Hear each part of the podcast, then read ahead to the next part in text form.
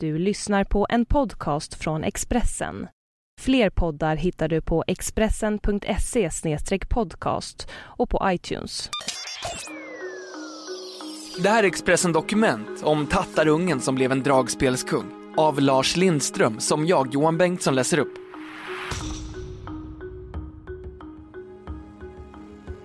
I sin barndom i Dalarna fick Kalle Jularbo och hans familj höra tattare och andra glåpord på grund av sina romska rötter. Men Kalle Jularbo blev så småningom Sveriges mest älskade dragspelare och är den mest givna kopplingen mellan svensk folkmusik och en romsk musiktradition som levt sida vid sida i flera hundra år. Resande folket har spelat en stor roll när det gäller spridningen av svensk musiktradition. Bland annat för att de förföljdes och ständigt var på resa, säger folkmusikern Ralf Novak Rosengren.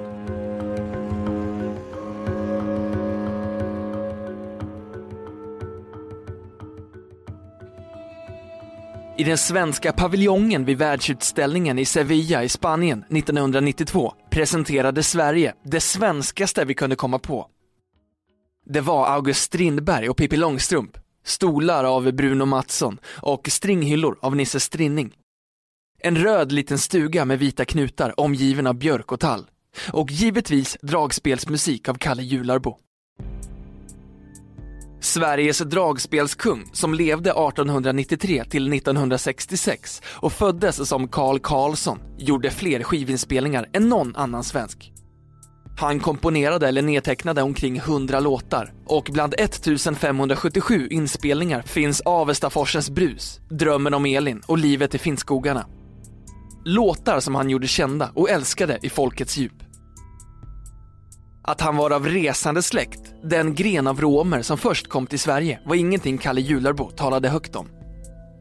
På grund av förföljelse och diskriminering har många med romska rötter fått leva med dubbla identiteter på den tiden pågick den största hetsjakten mot resande folket. Det kallades tattarplågan. Det förekom tvångssteriliseringar och det är lätt att förstå att Kalle Jularbo ville ligga lågt, säger Ralf Novak Rosengren, som själv har resande rötter och som den 22 till 23 november spelade med sin trio på den årligen återkommande Nordic Romani Festival i Stockholm. Sångaren och låtskrivaren Tony Holgersson med tio uppmärksammade album sedan slutet av 80-talet var förra året festivalens huvudnamn och i en intervju med sajten lachodrom.com berättar han om sin bakgrund. Jag har en fäbless för det romska.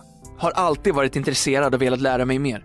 Fast pappa var väldigt mån om att inte kalla sig zigenare. Det var mer jag som fick lära honom var vi kom ifrån, då jag blev äldre och tog reda på mer, säger han. Tony Holgerssons resande bakgrund manifesteras i albumtiteln Zigenaren i månen och sången Brev till resande flicka har en refräng på romani. Jag tillhör generationen som såg traditionen försvinna i horisonten, säger han. För att kunna samla in, dokumentera, spela och sjunga resande musiken drog folkmusikern Marie Lenne Persson tillsammans med Ralf Novak Rosengren igång ett projekt för några år sedan som bland annat resulterade i boken Romani folkets visor. Marie Lenne Persson, som är sångerska och traditionsbärare inom svensk folkmusik, säger Första gången vi träffades var vi bägge nervösa och hade massor av material med oss. Det som hände var att Ralf öppnade en pärm och sa det här är i alla fall jättegammalt. Så här står det. Linden den skälvde i lunden. Marie-Lene Persson berättar att hon avbröt honom och sa att hon kände igen låten. Det var en okänd resande variant av medeltidsballaden Varulven som finns upptecknad i 13 olika versioner i den vetenskapliga utgåvan Sveriges medeltida ballader. Att det var en romsk version visade bland annat att texten innehöll romaniordet vischan som också införlivats i svenska språket för landsbygden. Vi har levt så tätt ihop ända sedan 1500-talet. Det är klart att vi har bytt visor med varann under tiden, säger hon. Anders Hammarlund, docent i musikvetenskap och kulturforskare, skriver i boken Roman i folkets visor att det bofasta, gråa och noggrant bokförda gammelsverige krävde för sin fullbordan en kontrast, ett ständigt tvärdrag med svärta av hemlös muntlighet. Han menar att resande folkets visor och låtar vittnar om en för de flesta okänd värld av nära främlingskap och utsatthet som existerat i Sverige sedan 1500-talet. Marie Lenne Persson säger att det handlar om muntlig tradition, precis som inom andra typer av folkmusik. Du kan få en låt av en släkting som ger noggranna instruktioner hur den ska spelas. Det är till och med så att i vissa tider har det varit tabu att skriva ner sångerna. Man får dem i förtroende. Skriver du ner dem kan vem som helst ta dem. Ralf Novak Rosengren säger Många av resande musikerna fick aldrig sin rättmätiga plats i musikhistorien. Deras låtar spelades av erkända svenska musiker och när de dokumenterades kunde det bara stå nertecknad av tattare. Romani-folkets musikanter har spelat en stor roll i fråga om att förmedla, bevara och utveckla vårt musikaliska arv. När valsen kom som ny musikform till Norden reste den med spelmännen från resande folket, berättar Marie Lenne Persson. Vad som egentligen är svenskt i den svenska folkmusiktraditionen är svårt att uttala sig om.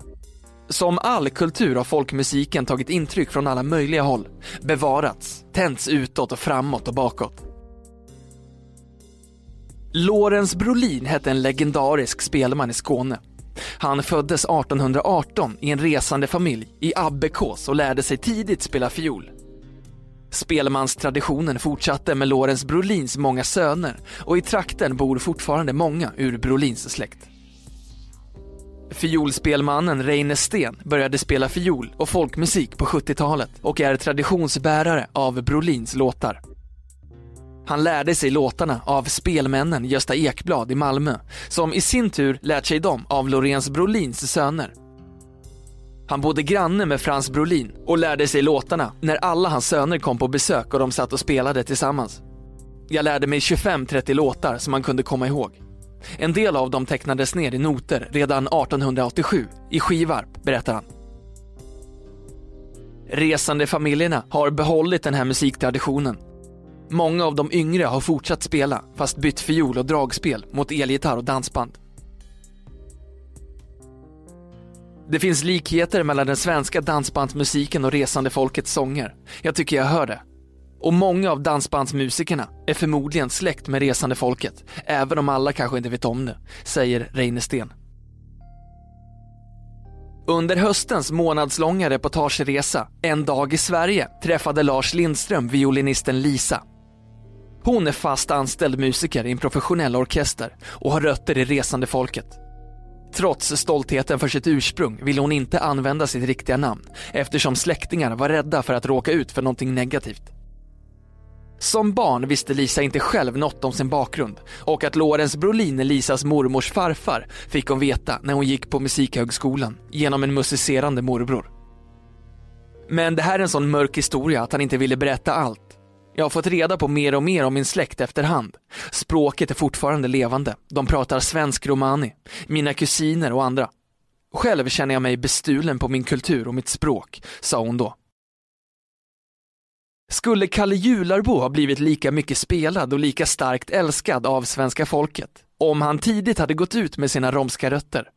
Frågan går till Marie Lenne Persson och hon svarar Det vete fanken, Förföljelsen av romer satte ju ordentligt fart i slutet på 1940-talet. Man delade på familjer, flyttade på barn. Massor av barn visste inget om sin bakgrund. Nej, jag tror inte att han hade blivit det, säger hon.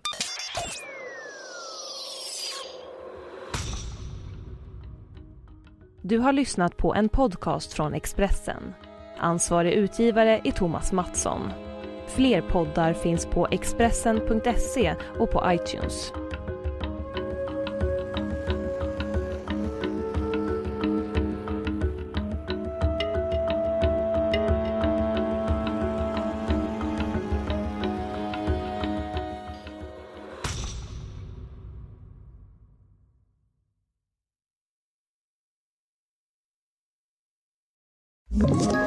Ett poddtips från Podplay.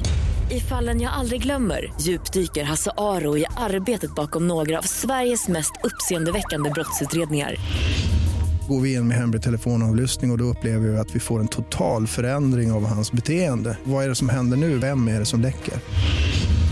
Och så säger han att jag är kriminell, jag har varit kriminell i hela mitt liv men att mörda ett barn, där går min gräns. Nya säsongen av Fallen jag aldrig glömmer på Podplay.